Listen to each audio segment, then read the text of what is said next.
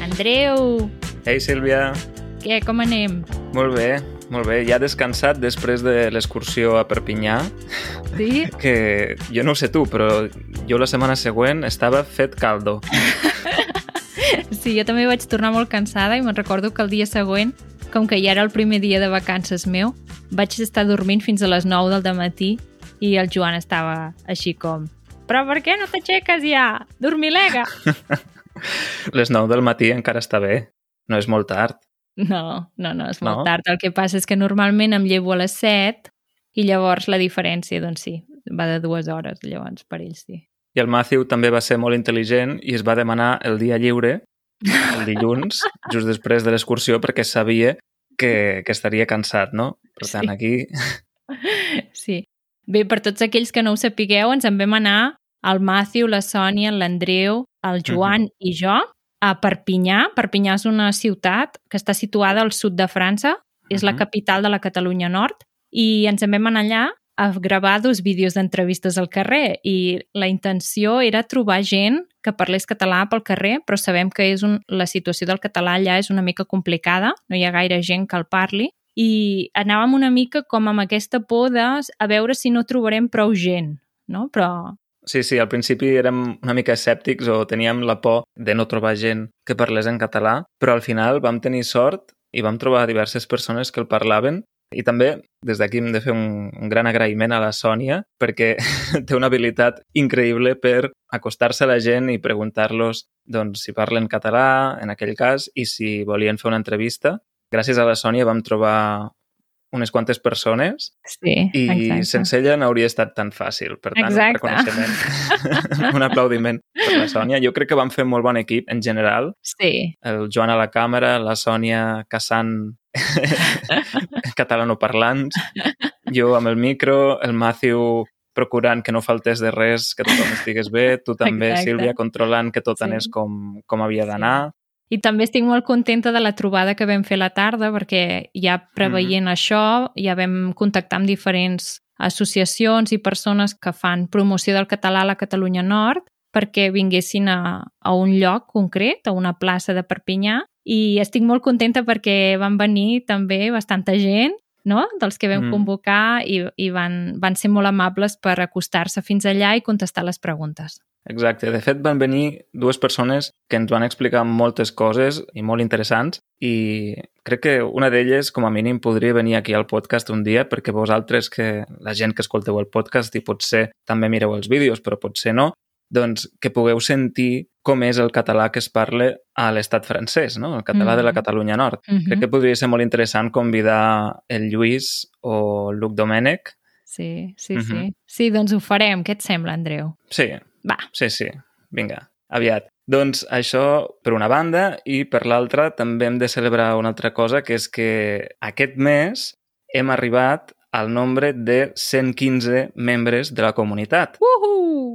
que aquest és l'objectiu que teníem ara i això ha permès desbloquejar un avantatge per als membres de la subscripció de podcast. Que aquest avantatge, com us hem anat explicant en els darrers episodis, és l'ajuda de vocabulari o Vocab Helper, com en diuen en, en els altres podcasts de la família, Mhm. que consisteix en llistes de vocabulari per a cada minut de l'episodi i aquest vocabulari són bàsicament les paraules més importants que es diuen en aquell minut i la seva traducció a l'anglès. I això ho aneu veient a mesura que es reprodueix l'episodi mateix. Exacte. Crec que és una ajuda que és molt útil per tots aquells que tingueu ja un nivell avançat, que potser no esteu mirant tota l'estona la transcripció, totes les paraules que diem, però de cop sentiu una paraula que no sabeu què significa, doncs simplement fent un cop d'ull a la pantalla del mòbil veureu què vol dir allò i què significa en anglès i, per tant, continuar escoltant el podcast sense cap mena de problema. Per a persones amb nivell avançat, però també de nivell intermedi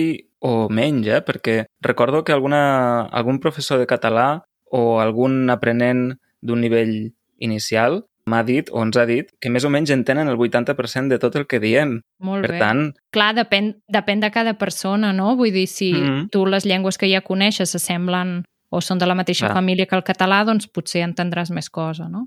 Exacte. Per tant, això jo crec que pot ser útil per a tothom i si encara no heu provat aquesta ajuda de vocabulari, no sabeu com és, com funciona, podeu fer-ho en l'episodi 35 del podcast en què vam posar-ho a disposició de tothom gratuïtament perquè pugueu provar-ho, perquè pugueu testejar-ho i veure si us és útil o no. Molt bé.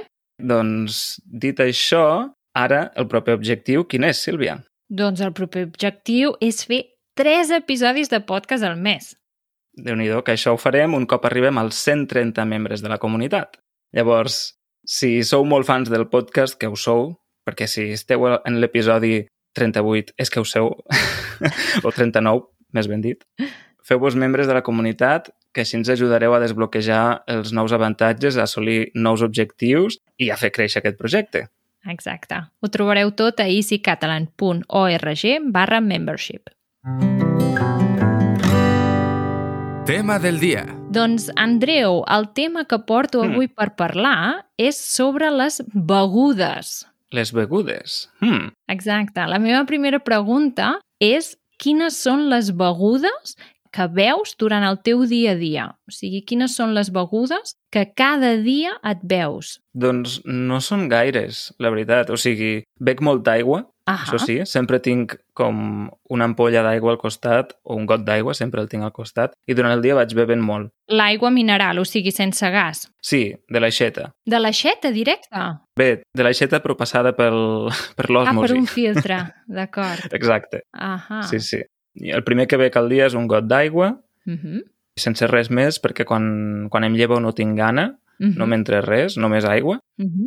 I una mica més endavant sí que em prenc un cafè amb llet de cibada. Ah, veus? Mira, molt bé. Sense sucre ni res. Sense sucre. Sí que prenc, la cibada que prenc porta sucres. Ah, N'hi ha una que la venen sense sucre, 0%, la que prenc jo en porta una mica, però no li afegeixo. O sigui, cafè amb llet d'avena o cibada, que és el mateix. I això. I bàsicament, en el dia a dia, són les dues begudes que prenc. Després, cap de setmana, o si surto amb els amics i això, puc prendre alguna cervesa, en algun dinar pot ser una copa de vi, però això no seria el dia a dia, seria més excepcional. Per tant, quan menges, quan dines o quan sopes, no agafes un refresc. No, sempre aigua, aigua fresca.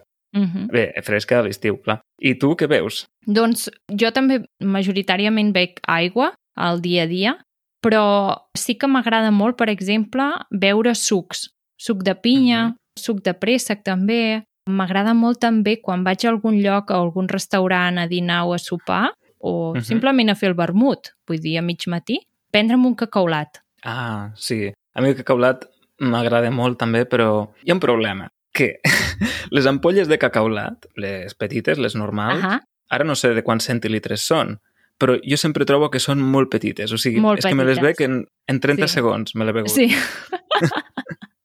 Però llavors, llavors venen les ampolles grans que et pots comprar al supermercat, que són les que tinc a casa també, que aquelles ja Mm. mm. són de litre i aquí sí que ja tens cacaulat per estona. Sí.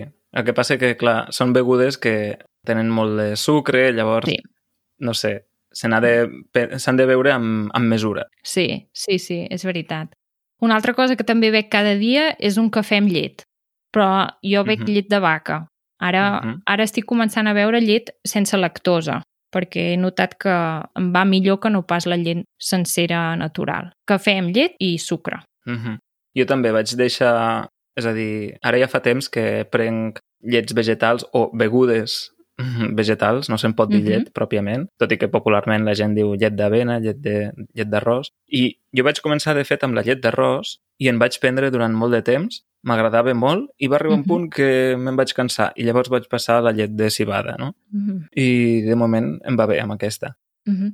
A mi la veritat és que aquestes llets que, que dius els hi noto molt gust. Hmm. Quan les barrejo, per exemple, amb el cafè, canvia moltíssim el gust del cafè. I ja és com prendre't una altra cosa, no? És com, com estar bevent una altra beguda. I, I per mi és massa. Si em faig un got i és només de llet d'arròs o llet d'ametlla, doncs això m'agrada. Mhm. Però fer-me el cafè amb llet vegetal no, no m'acaba de, de convèncer. Però això és un tema de costum, perquè a mi em passa al revés. O sigui, a mi em passa que quan prenc un cafè amb llet de vaca, trobo que té molt de gust. Ah, veus? Saps? Llavors- Mira, fixa't. Suposo que és acostumar-s'hi.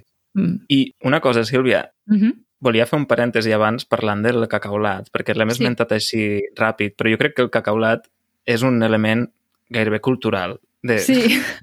de, de Catalunya que sí. s'ha de conèixer. O sigui, el cacaulat és un, és un batut de xocolata com tants d'altres n'hi ha, de moltes marques, però aquest es diu Sí. Cacaulat, la marca és Cacaulat, no és patrocinador d'Easy Catalan No. encara,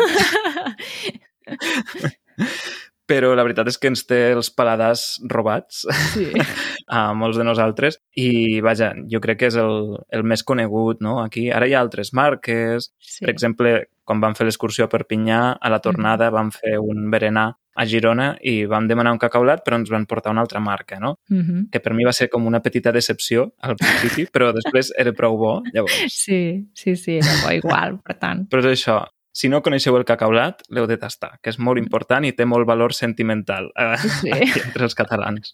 Sí, amb això tens raó. Una altra beguda que també bec ara a l'estiu és l'orxata. No sé si t'agrada Mhm. l'orxata. M'agradava molt quan era petit, però exageradament, Ah, mira. i ara la trobo massa dolça. De veritat. Sí, la trobo massa dolça. I vaig tastar l'orxata sense sucre i allò sí que no es pot beure. No et va agradar gens. No, no he tastat mai d'orxata sense sucre. Doncs al, a Barcelona, al Portal de l'Àngel, Sí. aquell carrer que connecta plaça Catalunya amb, amb la plaça de la Catedral, Uh -huh. hi ha una orxateria, ara no recordo com es diu, però és allà mateix, a Portal de l'Àngel, una orxateria de tota la vida, i allà fan una orxata molt bona i també tenen orxata sense sucre. Per tant, qui Ah, vulgui tastar-la, ja ho sap. Molt Mm. bé. I mm, has comentat abans que de tant en tant, quan vas a un restaurant o així, potser et demanes alguna cosa com una cervesa, no? O vi. Mm, sí, Només és en aquestes ocasions que veus alcohol o també en altres ocasions de la teva vida et demanes alguna beguda alcohòlica? A veure, eh, és que bàsicament és per acompanyar àpats així més... que no són el dinar i el sopar de cada dia, o sigui, Mhm. quan surto amb, amb amics o familiars a fer un dinar, a fer un sopar, no? a celebrar alguna cosa, o no celebrar res, però, diguéssim, és més excepcional. I en el dia a dia, potser alguna vegada, alguna cervesa al vespre, però ara fa unes setmanes que, que ho he limitat al cap de setmana. Uh -huh. Perquè jo ja ho he comentat, crec que en algun vídeo, potser en el podcast no ho havia dit mai, però no bec alcohol. I Mhm. això és un fet cultural també molt, molt estrany, perquè Mhm. la majoria de persones beuen alcohol i quan surts de festa o vas a algun lloc amb altres persones no? i et diuen, ah, brindem o anem a prendre alguna cosa i tu no prens alcohol, aquí hi ha com un xoc cultural molt gran, no? I hi ha molta gent Mhm. que els hi costa molt d'entendre que no begui alcohol, no? I, I ja comencen a preguntar, però per què? Però... Sí, I no tinc una raó molt, molt feta, vull dir, simplement és que no m'agrada. No m'agrada el gust i, per tant, no em bec. I la Mhm. gent gairebé ni ho pot entendre, no? Que, no? que no em begui una cervesa, una clara, no? una clara o un xampú, no? perquè diuen, Mhm. home, però això ja, és, ja no és tan gust alcohol, no? perquè hi ha de vegades tònica o llimonada barrejada. I dic, no, no, és que no m'agrada. Oh, i el gin tònic, el gin tònic és molt bo. Oh. Saps? és com que t'intenten convèncer, no? O Ja. quan fas un brindis, Mhm. en un casament o el que sigui, i jo, clar, no bec alcohol. Per tant, sempre brindo amb coses que són sense alcohol. I sempre em diuen, no, és que brindar amb coses que no són alcohòliques porta mala sort. Dic, bé, doncs, no Doncs brindo. mala sort. no brindo, o, o què faig? Ja. Jo reconec que alguna vegada ho he preguntat, és a dir, he fet la típica pregunta de i per què, però no, diguéssim, perquè em sembli malament i estigui en contra o vulgui incentivar el consum d'alcohol, sinó perquè sé que hi, hi pot haver diverses raons i és Mhm. només la curiositat de per quina raó, Mm, no? O, per exemple, doncs, en el cas de la gent que no menja carn, que és vegana Clar. o vegetariana, també pot tenir diferents motius. mhm, Jo, per Sí. exemple, ara he deixat de menjar carn fa poc i el meu motiu principal és per, per la qüestió de la sostenibilitat, perquè produir carn és poc sostenible i ara Mhm. mateix aquest és el meu motiu més important. N'hi ha d'altres potser més importants? Sí, i segurament una altra persona dirà home, el més important és, no sé, que no pateixin els animals, etc etc, no? que també ho valoro. Però vull dir que cadascú s'agafa als arguments que li són més, més importants, Mm, no?, per sí. prendre una decisió així. O a vegades no és una decisió, és simplement que algú no ha menjat mai d'això, no, no l'ha consumit i no hi té interès. Sí, el que passa és que la nostra societat crec que el fet de beure alcohol és una cosa com que és molt extesa, que gairebé Mhm. tothom ho fa i que el qui no ho faci és com una raresa, no? Llavors, Mm. crec que és un fet que gairebé a tothom que li he dit s'ha sorprès. Vull dir, no recordo Mm. ningú que tant li fos, no? Llavors, no ho sé. O sigui, crec que aquest tema també l'hauríem de treballar una mica perquè el jovent sempre volen fer-se els grans, no? I fer com els majors d'edat i sortir de festa i beure alcohol i fumar i tot això. I crec que això està tan incentivat també per tothom Mhm. que potser potser s'hauria de replantejar diferent també tot aquest tema. Doncs sí. També és veritat que l'alcohol està molt normalitzat, però no oblidem que és una droga Sí, exacte. i que en persones que són proclius a les addiccions doncs pot esdevenir un problema greu. Hm, Llavors, sí. sí. sempre s'ha d'anar amb compte. sí. Bé, i parlant de les begudes, que abans has dit que t'agraden molt els sucs o begudes així, Mm -hmm. a tu no t'han canviat els gustos? Suposo que sí, com a tothom una mica, Sí. no? Però respecte a les begudes, perquè jo quan era petit sí que bevia molt de suc o l'orxata, no? com Sí. hem comentat, m'encantava. Vaig tenir una època que volia beure suc de pinya tota hora, després vaig passar al suc de poma, Yeah. però clar, jo ho penso ara i dic, hosti, devia tenir unes pujades i baixades de sucre en sang al·lucinants. Els teus pares devien flipar. Sí, sí. Sí, la veritat és que això del gust canvia molt amb els anys, no? Perquè una cosa que quan eres petit no t'agradava gens, ara et comença a agradar. Perquè, per exemple, tots els refrescos així, la Coca-Cola, la Fanta, Uh -huh. o sigui, totes aquestes begudes que són amb gas, que són molt dolces i tot això no m'havien acabat d'agradar gaire. I l'altre Mhm. dia, per exemple, em vaig... No sé què, què era, no sé si era una Schweppes o una Fanta de llimona, i vaig pensar, va, és igual, perquè no tenien, no tenien ni trina, ni aquarius, ni res de tot això, que no té gas, i dic, bueno, doncs ja està bé una, una Schweppes o una Fanta de llimona. I me la van portar i em va agradar. Hmm. I vaig pensar, no sé, la noto diferent, però potser sí que és això, no? que com amb altres coses de menjar ara m'agraden i abans no m'agradaven, potser amb les begudes també em passa el mateix. Ja, interessant. I una altra cosa, que es podria dividir la població en dos grups, no? La gent que beu aigua amb gas i la gent que no. Aquí, a casa nostra, o sigui, em refereixo a Catalunya, etc, no som molt de prendre aigua amb gas. Així No. com ho poden ser, per exemple, a Alemanya. No? Exacte, sí. Però pensa que hi ha molta tradició del bitxí. Sí, El bitxí, me'n recordo que abans, o sigui, a les cases hi havia com unes caixes amb les ampolles de bitxí de vidre que tu, quan te les havies acabat, les retornaves. Vull dir, aquesta tradició també eren moltes llars. Llavors, sí que és veritat que la majoria de persones beuen aigua sense gas, però tot el tema aquest de la gaseosa, la tònica i tot això sempre, sempre és per allà, eh? Sí, sí. Ma mare és una gran fanàtica del bitxí. O sigui, Veus? és que Mm, en veu moltíssim. Imagina't, ja.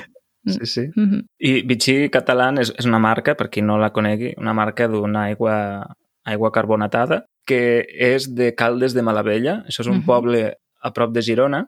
Un amic meu és d'allà. I justament fa poc vaig, vaig anar al balneari de Vichy Catalán. Ah, mira, i què tal? Com Sí. va anar? Doncs molt bé, és força agradable. Sí, sí, vaig anar-hi amb la meva parella i la veritat, la veritat és que vam abaixar la mitjana d'edat considerablement. Però, ei, molt a gust, molt bé. D'acord. No vol dir res, eh? No vol dir res, No, no. això vull dir. Sí. Segurament No, no, content. estava perfecte. Mhm. Molt bé. I és això, aquesta marca és la fàbrica o l'empresa que comercialitza aquesta aigua amb gas i també és un hotel balneari. Mhm. Llavors, D'acord. també qui tingui curiositat, doncs és un bon lloc per descansar. I, Andreu, una pregunta. Tu, Mhm. després de menjar, veus, per exemple, te o infusions, com per exemple camamilla, menta... No, la veritat és que no, no, no en prenc. Mai? No, no. Tu sí?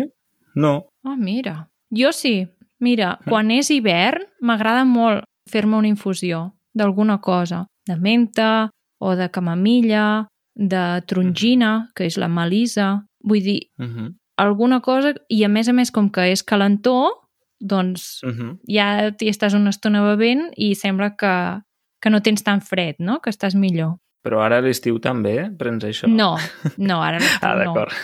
No. Ara a l'estiu només coses fredes. O si no, hi poso mm, glaçons, no? Hi poso gel. Hmm, Però a l'hivern sí que m'agrada bastant les infusions. molt bé.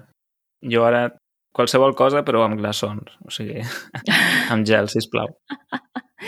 I eh, amb llimona o sense? Mm, amb llimona m'agrada, però normalment no li poso, perquè no hi penso. O sigui, no, no tinc el costum. A vegades, algun cop que hi penso sí, però no, en general no. Uh -huh. I t'agrada que hi posin una canya? Perquè de vegades vas al bar i et posen una canya per beure. No, jo la veritat és que prefereixo sense canya. Mm. I tu?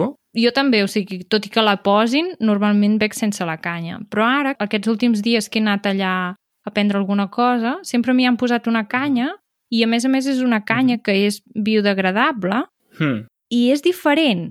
I has begut mai?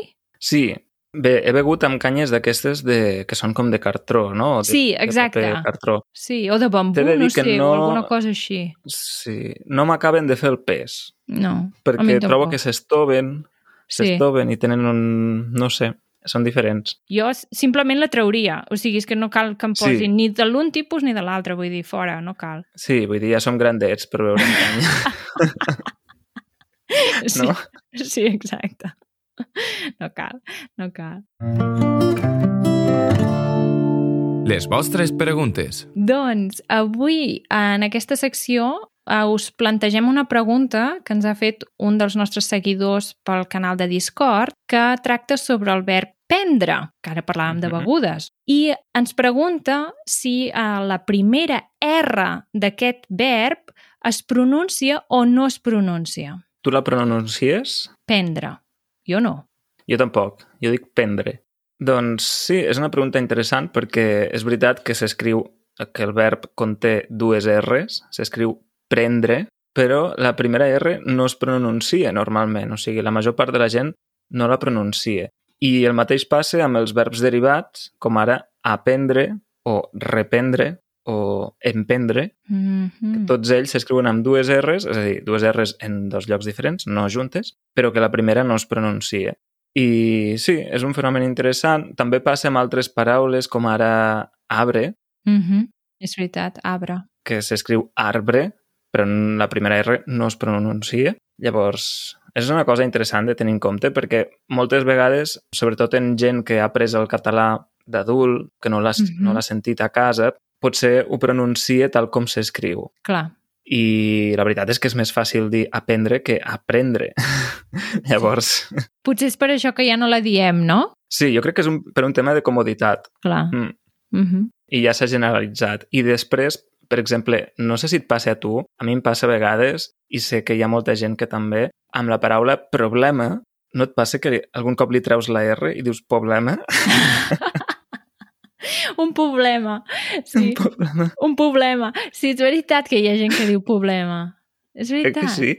Doncs potser és el mateix, eh? Jo crec que sí, el que passa que amb problema, o sigui, això no està acceptat i sona molt descuidat, diguéssim, per dir-ho fi, però, però aprendre deu venir d'aquí, jo crec que l'origen és el mateix, és la facilitat o la dificultat de pronunciar-lo, de pronunciar-ho, Mm. però que s'ha normalitzat, s'ha estès, Mm. no? Llavors ja és la pronúncia estàndard. Jo crec que tot això és molt complicat, no? Perquè, vull dir, a cada territori, a cada regió, gairebé a cada poble, hi ha coses, hi ha paraules que es diuen d'una manera o d'una altra, no? I el, el fet de que es Mhm. pronunciï una lletra o no, o es, o es faigui d'una manera o d'una altra, és molt diferent. Per exemple, la, amb la meva iaia, Uh -huh. quan parlo amb ella, jo sé que ella no diu prendre, diu prendre. Ah, O sigui, la última R la fa sonora, vull dir, la fa com si hi hagués doble R, no? I el mateix passa amb divendres, tendre, entendre... i no només això, sinó que no pronuncia la D, Exacte, no?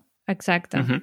I mm, no sé, si, no sé si només és ella o, o hi ha més gent. Ara, veient el concurs aquest de les Illes Balears, m'he adonat que allà també diuen divendres i llavors Uh -huh. jo crec que cada lloc hi ha coses de fonètica, no? de pronunciació diferents i, i no és que Sí. una cosa sigui correcta i l'altra no, sinó que simplement Exacte, exacte. I de fet, així com tenim el diccionari que estableix doncs, com s'escriuen bé l'ortografia, tenim, tenim l'ortografia, el diccionari i la gramàtica, no? Però no tenim com una obra normativa que parli de la pronúncia, que, que fixi mm. com s'han de pronunciar les coses. Això no existeix. Ah, mira. Hi ha un document de l'Institut d'Estudis Catalans, però que és, és un document provisional. És una proposta Mm -hmm. que encara no és definitiva.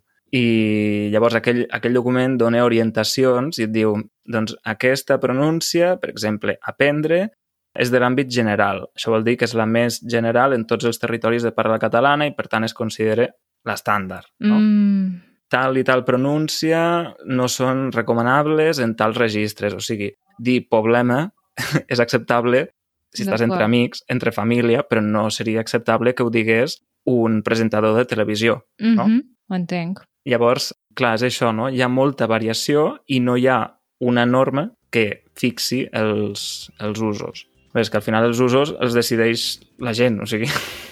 Ja. Bé, en fi, això és un tema per un altre podcast. Sí. La qüestió, en resum, és que aprendre es pronuncia així, sense la primera R, Mm -hmm. tots els derivats també, i alguna altra paraula, com ara arbre, igual. Molt bé, fantàstic. Doncs ens n'anem a parlar una estona més al bonus, no? Exacte, i si ens voleu fer preguntes relacionades amb la llengua o qualsevol altra cosa, relacionades amb la cultura, amb, amb el que sigui, música, feu-nos-ho arribar, ho podeu fer a través de les xarxes socials o, si us feu membres de la comunitat, doncs a través d'aquest espai que tenim magnífic, genial, fantàstic, que és el Discord. Molt bé. Doncs Genial. vinga, fins a la propera. Que vagi bé. Adeu. Adeu.